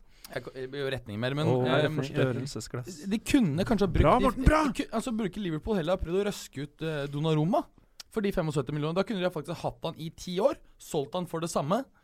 Det er en for god overgang for dem. Det blir, det blir for bra, liksom. Ja, for det må være noe sånt som ligger til grunn. For det hadde fått hatt en av de beste keeperne i verden i ti år, kunne solgt med gevinst. Heller hentet Stefan Divri gratis til sommeren.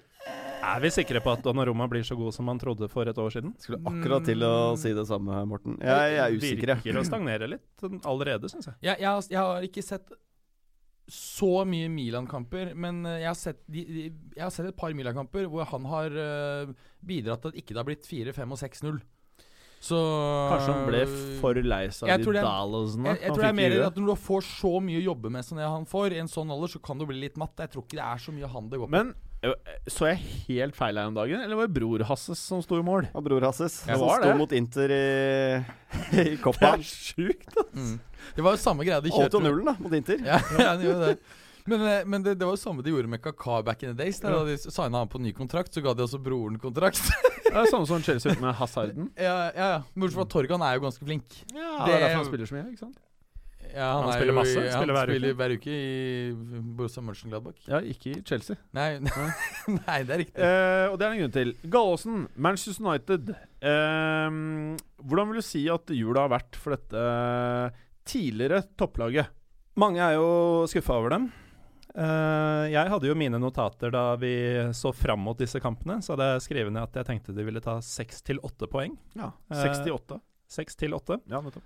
De endte på seks, etter at de Det så stygt ut, da, etter Ja. tre uavgjorte på rappen. Men uh, den borteseieren mot Everton den var både svært viktig tabellmessig, hvis de ser noen verdi å bli nummer to i stedet for nummer fire. da. Eh, men også for uh, følelsen innad i spillergruppa, tror jeg. For der har det vært mye rusk uh, de siste ukene. Det var altså Vi advarte om at både Leicester, Burnley og Southampton var potensielle bananskall, men jeg så egentlig ikke for meg at de skulle fucke opp i alle tre.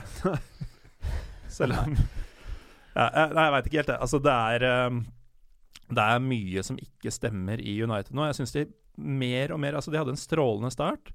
Eh, men som vi var inne på allerede tidlig i sesongen, da de drev og vant 4-0 hver uke, så var det litt sånn løgn i de resultatene. For det var mye ketsjup-effekt da de kontra inn 2-0 et kvarter før slutt, og så kom det 3 og 4 mot slutten også. ikke sant? Det var ikke så overbevisende som resultatene tilsa. Og eh, jeg syns de i økende grad utover sesongen, og det, det er en tendens jeg har sett lenge nå, er at de ser mer og mer ut som det United-laget de har sett ut som i de Mm. tidligere sesongene. Uh, som et litt sånn herre Hva skal vi si Et uh, kadaver uten hode, der Ferguson var hodet. Som ikke er helt dødt ennå. Det bare vandrer litt sånn fram og tilbake, litt på måfå, virker det som. Det som er bekymringsfullt, er at det ikke blir noe bedre utover Mm. sesongen. Det virker ikke som Mourinho klarer å utvikle det han har. Da. At hans svar hele tiden er jo mer penger, nye, s- kjøpe noen ferdigprodukter som vi kan plassere inn her. Istedenfor å jobbe med det han har, da. Mm. Ja, det er akkurat det jeg tenkte på. Jeg også, at Du ser Mourinho um, tilbake for eh, enten det er åtte-ti år siden, så var han veldig flink, for mye flinkere enn i dag til å utvikle spillere. Kanskje ikke like god som Pep f.eks. er. Men i dag så, så gjør han ikke det i det hele tatt. Tvert imot så er det spillere som blir dårligere. Vi kan nevne Shaw. Eh, jeg synes jo uh, Martial har vært veldig god denne høsten, men det er jo ikke pga. Mourinho, det er jo på tross av. Eh, nå har han hatt et spissproblem, men han har en av de mest talentfulle spissene over de siste tre-fire årene i Rashford, som til og med gamle Ronaldo har sagt at han ser klare tendenser av seg selv. Eh, Så dette er jo en, eh, er jo en trener som ikke lenger eh, er overhodet innovativ taktisk. Som ikke er å forbedre spillere. Han er, og han er ikke flink til å bruke unge spillere, så han er helt ubrukelig for United, mener jeg. I hvert fall med tanke på at United ønsker på en måte en klar profil i forhold til å få frem unge spillere og spille offensiv fotball. Men Mats Berger, nå skal du få muligheten du har venta på. Eh, du, sier at, sparke noen som ligger nede? du, du sier at de har uh, en av de aller mest talentfulle spissene i England som ikke har fått spille så mye, i hvert fall ikke på spiss.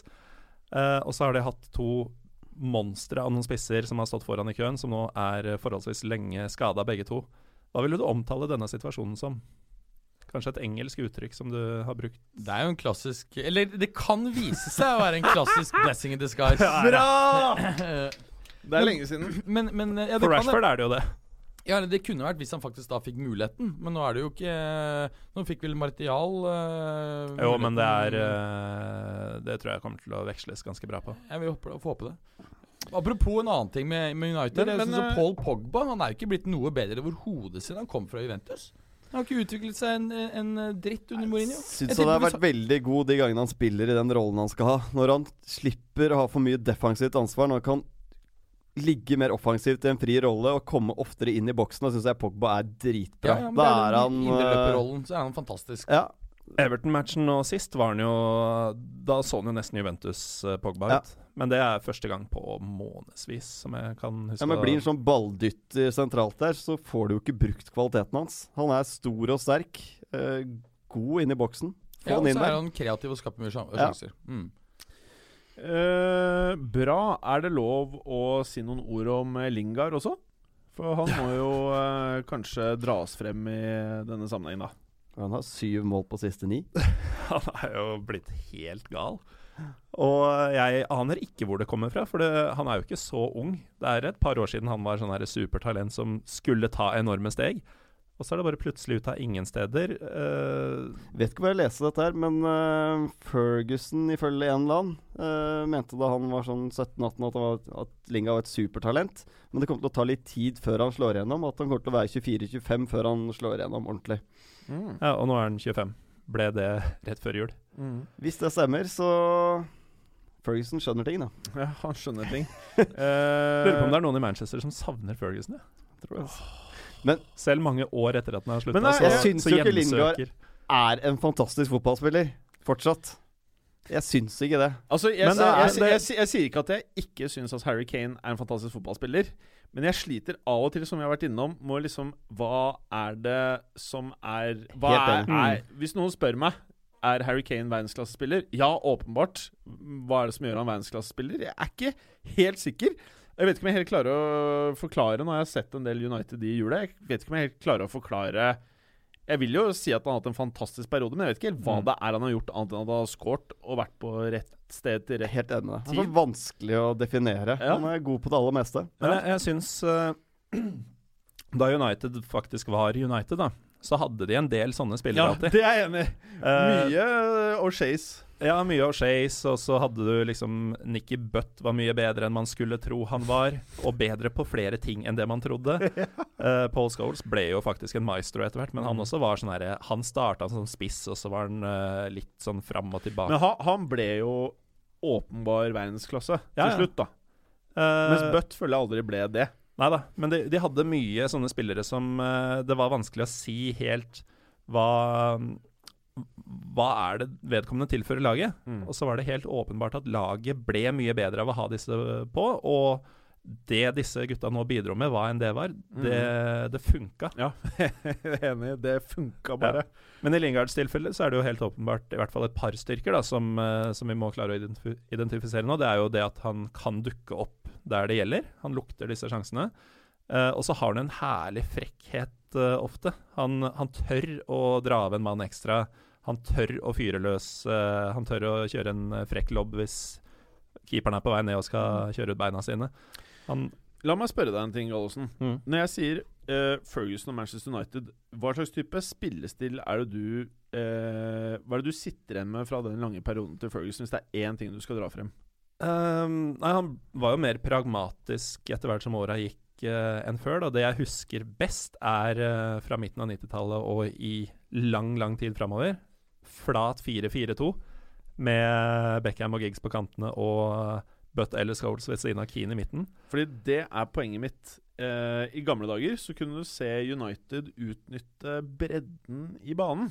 Det var jo det selv eh, jeg som er litt sånn jålete på supportersiden eh, Real Madrid eh, spilte bra fotball, alltid spilt bra fotball.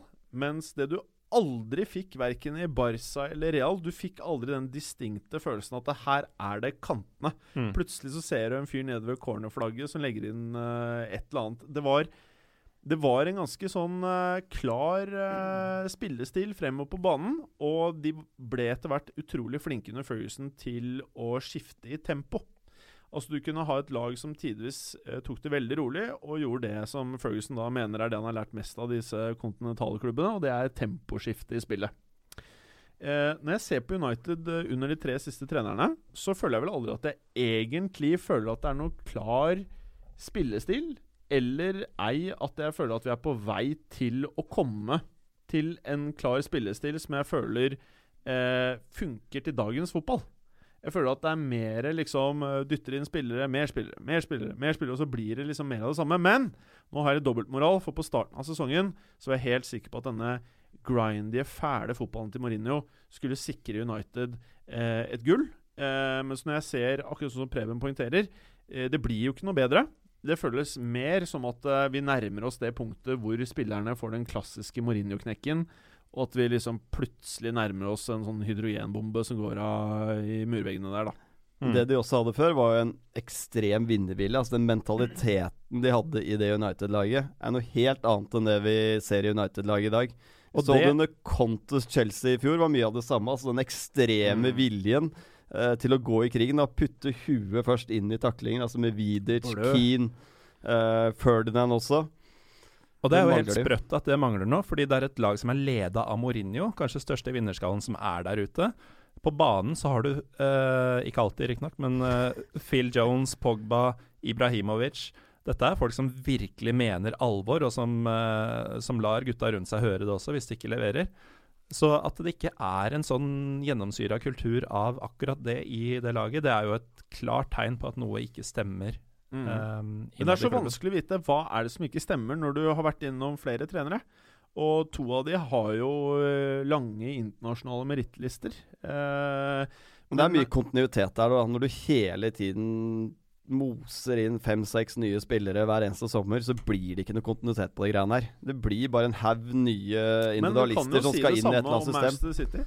Er Helt bare- klart, men uh, det er jo ikke mange av de signeringene Pep gjorde nå i sommer som faktisk spiller fast. Det er jo de aller Nei, jeg, jeg fleste satt er de faktisk som har og talte på det. Eh, Hva er det? Carl Walker? Walker og Ederson, selvfølgelig. eh, Ederson eh, Nei, så Ellers så har Det er de Det er en gruppe nå som har spilt sammen ganske lenge under Pep, altså. Som har brukt uh, over en sesong nå på å få samkjørt dette her. Men hadde Mendy vært skadefri, så har han locked in starter, selv om eh, Helt Delf klart. har vært Ja, ja, eh, Helt hot. klart. Eh, så da er det jo plutselig liksom nesten en tredjedel av laget, Ja eh, på en måte. Men, men eh, det jeg liksom føler har skjedd med Old Trafford, det er at det er ikke like frykta å dra på Old Trafford for andre lag lenger.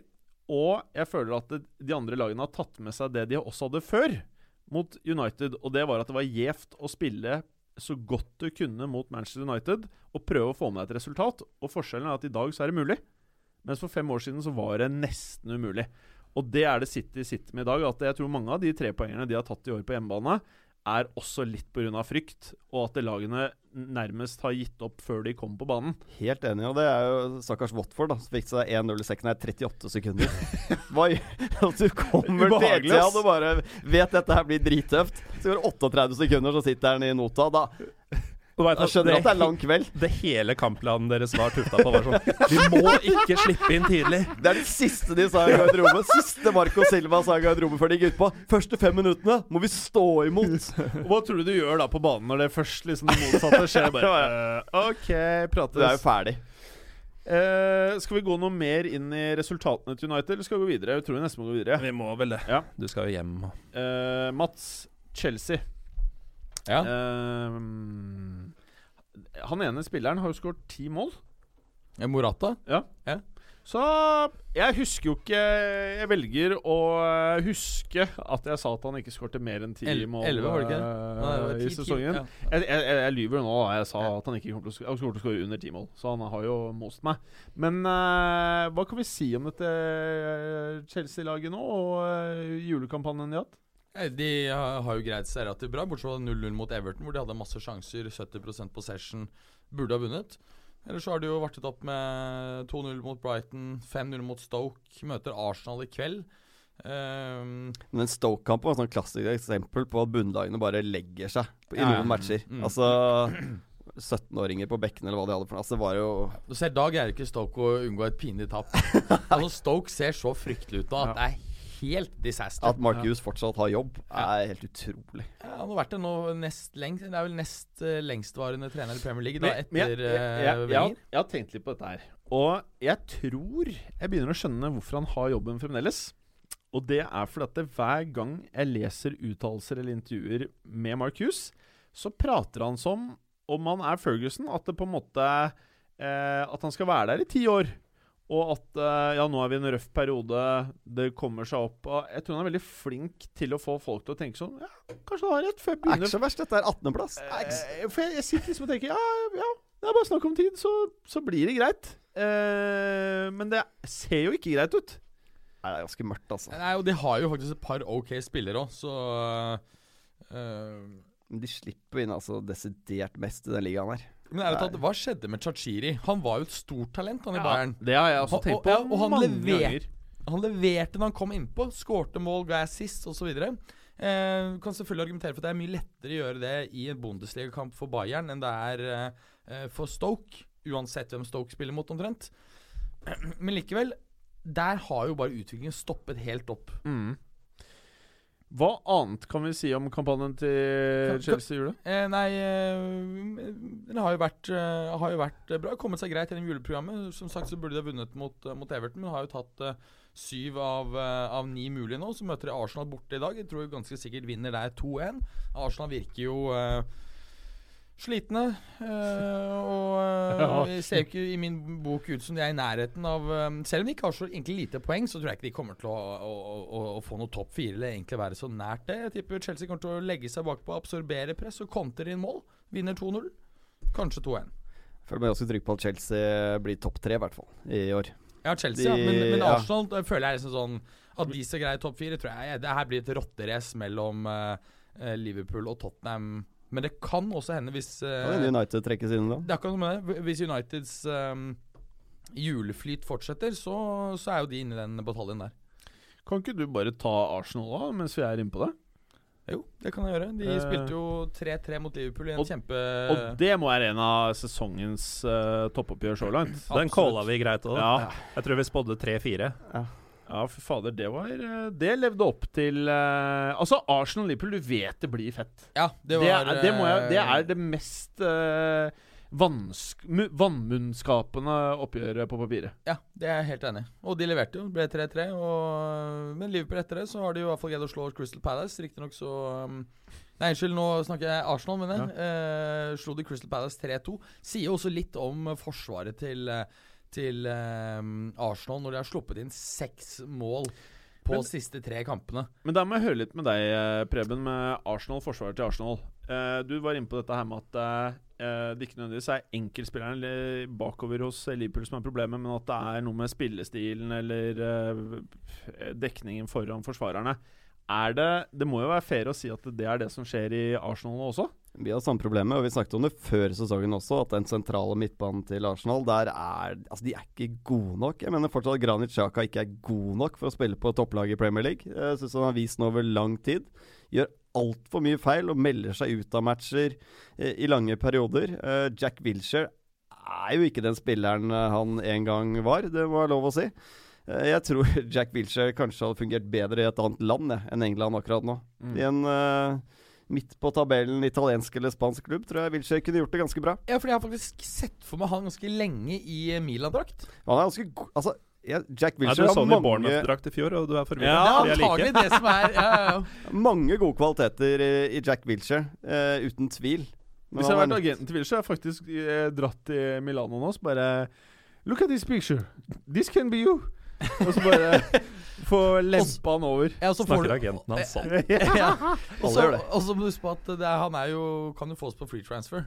Og Ja. det er jo noe som vil passe neste års budsjett i AC? Milan veldig godt. Jeg leste en så forferdelig artikkel uh, om uh, Wilshere nå, at uh, hvis ikke Arsenal signerte ny kontrakt med Wilshere, så var de dumme, og det, Wilshere er løsning Altså, er Wil han var på lån for litt siden. Hva er Wilshere løsningen på Jeg, jeg skjønner ingenting, jeg. Hva, jeg, jeg syns det sier mer om eh, Arsenal sin eh, bredde at han får Helt så mye spilletid som det han gjør. Jeg kan ikke skjønne Dette her er et um, Det er et veldig negativt signal for klubben når Wilshere plutselig er den viktigste midtbanespilleren din. Ja, for dårlige spillere sentralt, og syns jeg de er for softe eh, ellers på banen også. Det er altfor sjelden de tar den krigen som du ser de gjør i enkeltkamper som betyr noe for de i løpet av et år. Mot Tottenham er det stort sett alltid ganske bra. Da kliner de til og vinner dueller. Men så kommer de i 70% av alle kamper, så det virker som det er sånn slapp innstilling på 80% av gutta utpå der. Det er liksom vanskelig å se for seg noen annen løsning enn eh, trenerskifte. Samtidig så syns jeg det er utrolig tøft eh, å liksom komme på en trener som kan eh, skape suksess med en gang der. Med, det er ikke noe gærent med stallen, men den stallen de har om eh, seks måneder, vil det være noe gærent med. Det er helt riktig. Det er altfor mange som er på korte kontrakter nå. Og vanskelig for å tiltrekke seg de største navnene. Så jeg tror du må komme inn og gjøre ting litt på nytt igjen. Altså det, det Wengers største tabbe karrieremessig har vært, det er at han ikke ga seg for tre år siden. For da kunne han sagt at jeg har holdt den klubben her oppe i Champions League uten å ha budsjettet til det. eh, og gir den nå over i sin skjønneste orden. Stallen er bra, de har høyere inntekter osv. Istedenfor så overlater han på et eller annet tidspunkt antagelig klubben i helt katastrofetilstand. Omtrent som sånn de var da han tok dem over for 20 år siden. Han førte dem opp, og så ned igjen. Altså Han burde eh, jobbe sammen med Gazidis i styret, eller ta over Frankrike. Et eller annet sånn her eh, litt chillere opplegg. Ja, ta over Frankrike er sikkert eh, bedre. Noe mer om eh, Arsenal i desember måned? Eh, nei uh, Altså, de spilte jo da Vant jo som sagt mot, mot Crystal Palace. Blir uavgjort mot West Brom. Elendig uh, performance av, av Arsenal. De skapte jo mm, knapt mer. Fortjente jo heller ikke noe bedre. Så Nei, eh, jeg, sy- jeg syns det er Med tanke på hvor skuffet jeg har vært over Arsenal, så det er veldig rart at ikke de er mye lenger ned tabellen, altså i hvert fall poengmessig. Fordi faktisk er, er jo, Det er jo som vi snakket om tidligere. Når vi forventer at Arsenal skal kollapse fullstendig, så plutselig går de på sånn fem, fem seire på rad. Ja, det er- så holder seg på Det Og slår ja. ikke feil. Og så tenker jeg at shit, nå er de på Nå kommer de til å vinne fem til, så har de heng på Nei, da kollapser de igjen. Jeg tenker alltid Hvorfor gjør de ikke det hele tiden? Ja. du kan vi vinne ligaen. Eh, men eh, Premster, Yes. det er et annet London-lag, eh, Tottenham. Eh, det er bra, men det er ikke helt uh, der de skal ligge, kanskje. Skal de klare å uh, kjempe om andreplassen, kanskje? Jeg er helt enig. Altså, sånn som det ser ut nå, så mener jeg at uh, både Liverpool og Chelsea spesielt har flere strenger å spille på enn Spurs, faktisk. De er Fikk jo litt kritikk i jula her på Twitter fordi vi ikke sa noen ting om Harry Kane. Det burde Ja. vi kanskje gjort. Ja. Uh, men, Det er fair, det. men de er veldig avhengig av eh, Harry Kane for at de skal være gode. Og klinte nå til med to hat trick på slutten av fjoråret. Og Det er helt så hat trick okay. hele 2017. Vi, vi syns det ble for åpenbart til å sitte liksom bruke mm. masse tid på han der der. Men vi må hylle han, da. Det er jo, siden vi fikk beskjed, beskjed om det også eh, Du var litt inne på det. Hva er det han egentlig er god på? Men det han er ekstremt god på, er jo rett og slett avslutninger. Både med venstre, med høyre, eh, fra kort hold, altså med hodet, langskudd. Jobber hardt. Spiller Harry Kane i Tottenham neste sesong i Premier League? Ja. Mhm. Det er jeg ganske sikker på at han gjør. Eh, ganske sikker på at han vil ha med seg den første sesongen på nytt stadion. For å bare sementere navnet sitt inn i bygningen. Da er nemlig Karim Benzema seks måneder eh, eldre, om ikke åtte måneder eldre. Eh, og da begynner vel liksom å nærme seg sånn at det er forsvarlig å børne noen hundringser borti eh, Jeg tror Real Madrid kommer til å børne ganske mye til sommeren. Jeg tror, Men eh, altså nå jeg tror ikke det blir Harry Kane. Jeg tror ikke det, nei. Men jeg, Jeg tror Eden Hazar er mer likely. Altså, i, Han håper jeg ikke stikker til ras. Uff I ettertid det snakket vi litt om i sommer òg, så, så tror jeg det må kunne sies å ha vært en av de største tabbene til Perez. At han ikke tok grep i fjor sommer. Enten solgte Benzema eller Bale. Eller bare Be- ikke solgte noe. Ja, eller, eller, eller solgte andre spillere. Poenget er jo at uh, de to spillerne som bare må ut, det er Benzema og Bale. Og deres verdi har stupt siden i sommer. Ja, problemet er at de sitter på noen helt sjuke lønninger. Jo, da har du noe som heter United, som uh, bare svelger unna det som Ja, men jeg er, tror altså. ikke alle toppklubbene i verden er keen på de gutta lenger. Nei, men jeg tror, jeg tror Eh, Bale Skal er du ned på et nytt nivå, så er Real Madrid nødt til å betale deler av lønna deres i Nei, noen år altså jeg, jeg, jeg tror at um, Bale får du flippet ganske greit til uh, Men det jeg ikke United. Forstår jeg med får- dagens overgangsmarked Nå må, Det her må vi prate litt om. Det er følgende. Hvis Benzema hadde spilt på Real Sociedad, og han var 29 Og han spilte ok, kanskje litt bedre enn det han gjør nå, da. Men så har han historikken han har. Og det er jo, som vi alltid vet, veldig mange klubber i verden som trenger en spiss. Da hadde han vært mye dyrere, føler i hvert fall jeg, da, enn hvis han skulle gått fra Real Madrid. Nei, Det føler jeg. nei, det er jeg ikke enig i. Men uh, jeg er enig med Jim i det. Um, Jeg føler at hvis du spiller for mindre hotte klubber, så blir du dyrere enn hvis du spiller for en hot klubb. nei. Altså, hadde Dybala eh, spilt for eh, hva Atalanta Ja. Så ville han ha kostet mye mindre enn det han vil gjøre når Juve det, selger. det er ikke den feelingen jeg sitter Jo, med. jo. Jeg gjør ikke det. Det er, det, det, det, de aller høyeste summene vil du få når en storklubb selger ufrivillig eller halvufrivillig til en annen storklubb. men jeg tror de Rasjonelt selger veldig frivillig. Ja, det er det, som er det er det situasjonen. er- Rasjonelt, ja. Det Rasjonelt, ja. Det er, det som er alle de liksom Det eneste du finner som ikke går inn i den der, er Liverpool, når de åpenbart har driting Altså, på punch. se, se på Pogba. Se- Se, på Pogba. Pogba, Zidane Men hvis du ser nei, i, i dagens marked Neymar, Pogba, ja. Tror du Pogba hadde kosta mer spenn hvis han hadde spilt på Crystal Palace og skulle mindre, blitt solgt til Manchester Ja, mye mindre. Tror Halvparten. Ja, ja. Jeg tror ikke det. Nei, det er helt Men her handler det om at Real Madrid vil selge. Alle vet det. Da går prisen rett i bånn. Mm. ja. Hadde de, hadde, de, Eh, hadde de solgt Benzema litt Men vet litt vi at Real Madrid vil selge? Jeg er ikke så sikker. Ja, jo, jo, de, de, tror Jeg er jeg, de, de er de veldig keen på å få solgt nå, tror jeg. Men, men hadde. Real Madrid liksom vært litt uvillig og så solgt Benzema Altså, i fjor sommer, det var så tror jeg de, tilfellet, ku- tror jeg hvorfor de i all verden solgte du da. Morata i fjor istedenfor Benzema? Hvis det var tilfellet? Det er fordi han trodde fortsatt Benzema var liksom the golden shit. Ja, men han er jo bare fire-fem måneder eldre enn han var på det tidspunktet. Han er ikke noe dårligere spillere. Han har en dårligere sesong. Ja. Men han er ikke noen dårligere spiller. Men- åpenbart at de har tillit til Karim Benzema. Ja, ja, men det er, det er også en element liksom, En god del mennesker har ment at han har underprestert ma- i mange år, bare for å se på statistikk. For han burde ha skåret mer mål, flere assist. Faktum er at han har gjort mye annet som har vært veldig, veldig bra. Eh, de- Faktum er at det er fire spillere gjennom tidene som har skåret flere mål han i Champions Ja, men så har han jo Faktum. Ja, ja, men så har han, da, har han da spilt fast på Real Madrid i ti år, så liksom Du hadde antagelig endt opp med en ganske Jeg hadde nok ikke det, skjønner du. du også, hvis du hadde, hadde gjort det. Men, men liksom, poen, poenget er at de som er hans kritikere, de får veldig mye vann på mølla når han uh, har en dårlig sesong. Ikke sant? Og det samme gjelder Bale. At uh, kritikerne her sier at han kan jo ikke spille, få han solgt. Veldig bra, Berger. For at nå er jeg på Bale, og vi var jo egentlig på Tottenham. Og siste rykte er Bale og 150 euro for Harry Kane til Det som er veldig rart Ikke med 150. de. Nei, men altså de historiene der Altså Tottenham er jo ikke i nærheten av å lønne Bale. Eh, Så det skjer ikke. Nei. Med mindre ikke Real Madrid velger å betale lønna for den eh, de neste fire-fem åra. Nei. Så skjer ikke det.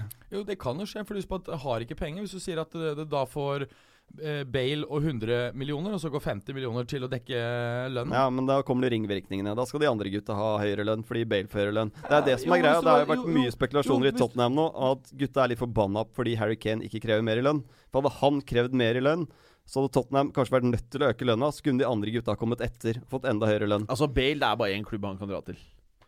Ja, det er bare United. Det er bare United Nei, jeg, jeg som tror tar det er den der. vanskelig å se Nei. Bale til Jeg har vanskelig for å se Bale Tar over til et sånn stort, sort hull.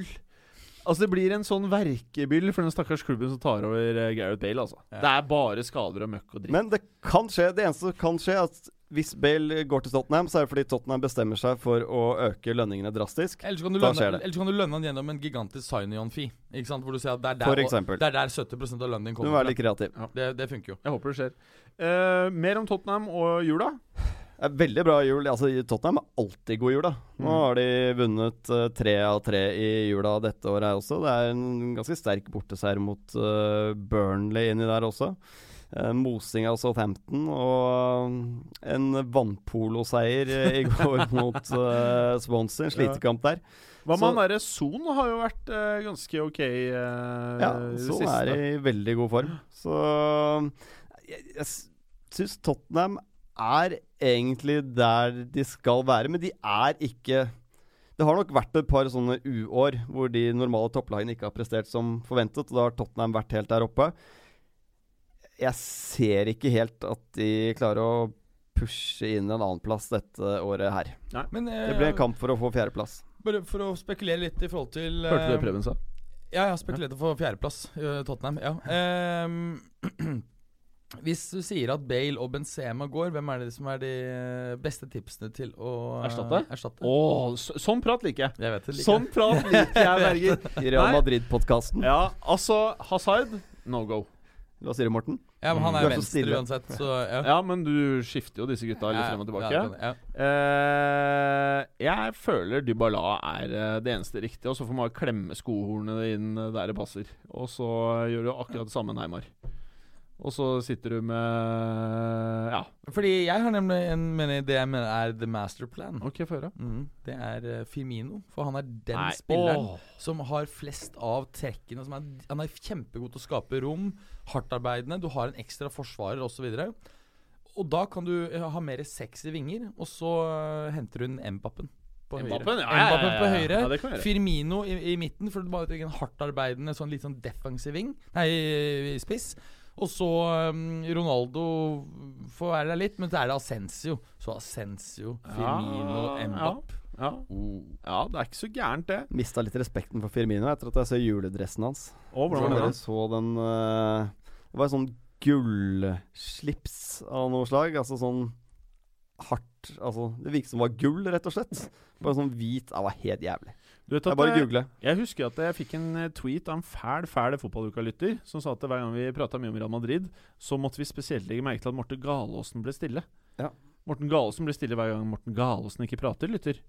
Eh, Og det skjer stort sett når vi snakker om Real Madrid. eh, det skjer stort sett når vi ikke prater om de tingene du eh, vil prate om. Men nå skal du få prate om noe du vil prate om. Det er Liverpool.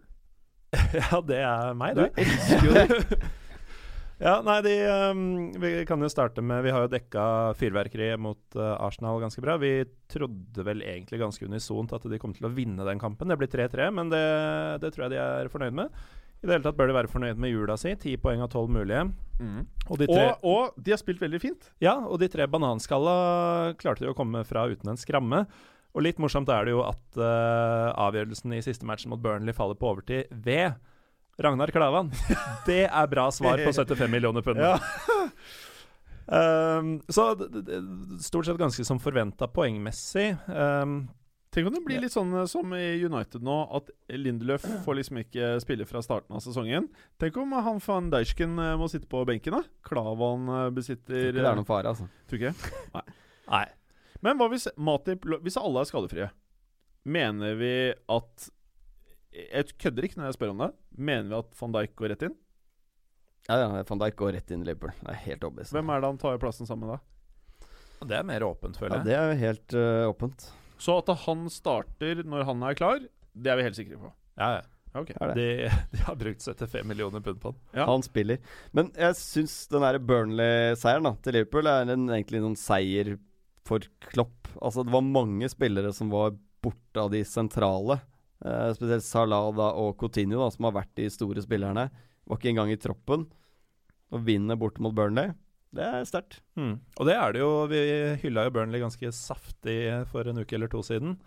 Uh, ja, nettopp, uh, Jim. De hoftebevegelsene du gjorde i stolen. Ja, Burnley er det sexeste etter Palace akkurat nå. Ja, og de, de utligner jo tross alt bare et par minutter før slutt her, på egentlig et identisk mål som det Ragnar avgjør med noen minutter seinere enn det igjen. Men det så jo ut som de atter en gang da skulle stikke kjepper i hjula for et av disse topplagene på det mest Burnleyske vis. Altså, Burnley er så fete, de. Ja, det er det. Jeg, jeg, jeg syns jo selvfølgelig det var litt synd at de røyk på denne, men når det er Ragnar som gjør det, så er det nesten De kult har hatt et tøft juleprogram. altså Burnley Ja. vi snakket jo om det også før, før julen her. Skulle møte Tottenham, United og Liverpool. Mm. Har dere tenkt tre av de fire kampene. Har, de har Er dere klar over hvor flinke de har vært der, eller? Altså, Tarkovskij uh, måtte ut. Long gikk inn og debuterte strålende.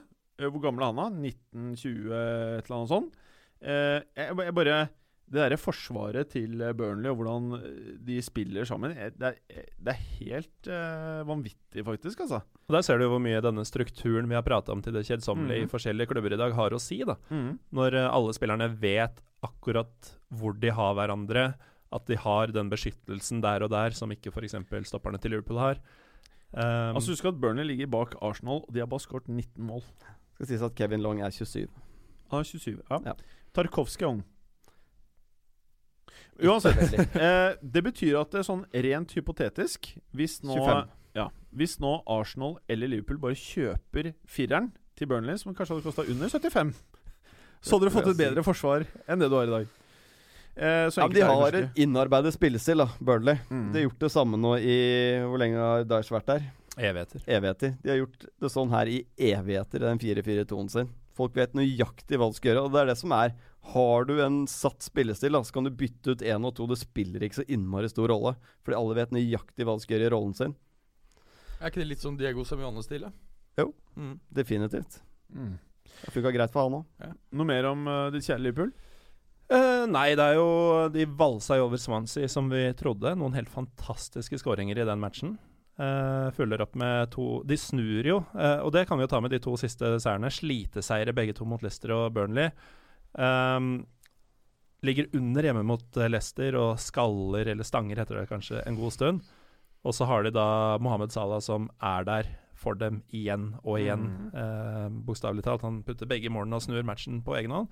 Og så klarer de da å riste av seg det utligningssjokket på slutten mot eh, Burnley. Jeg syns de to kampene viser at det er i ferd med å vokse fram en, eh, en litt sterkere vinnermentalitet enn vi kanskje har visst om Mm. i, i den klubben. Og hvis van Dijk faktisk finner seg til rette og blir den spilleren de håper og tror de har kjøpt, eh, og dette er noe som er i ferd med å feste seg i spillergruppa, så blir de veldig farlige utover. Så det er et annet element med Liverpool også som er interessant. Og det er at hvis de nå greier på en måte å gå inn i en mode hvor de selger én toppspiller eh, hver sommer, det tror jeg de faktisk må nesten regne med. Eh, Liverpool er for øvrig det topplaget i i eh, England. Har de seks store som, som oftest mister toppspillerne sine. Poenget mitt er at de nå henter inn nye spillere som vi tror skal bli topp, da. Eh, I et høyere tempo enn de mister dem. Så de er jo faktisk i en fase hvor de faktisk blir bedre. Vi får se. Ja, og så- og så- men klart at mister de både Coutinho og Salat til sommeren, da er det jo mm, på en måte to skritt frem og to og et halvt tilbake. Mm. Men uh, ryker bare Coutinho til sommeren, og kan vente med ett år med Salah, og de får hentet kanskje én bra spiller til til sommeren, så ser det bra ut. I tillegg til Keita, som også kommer. Bra.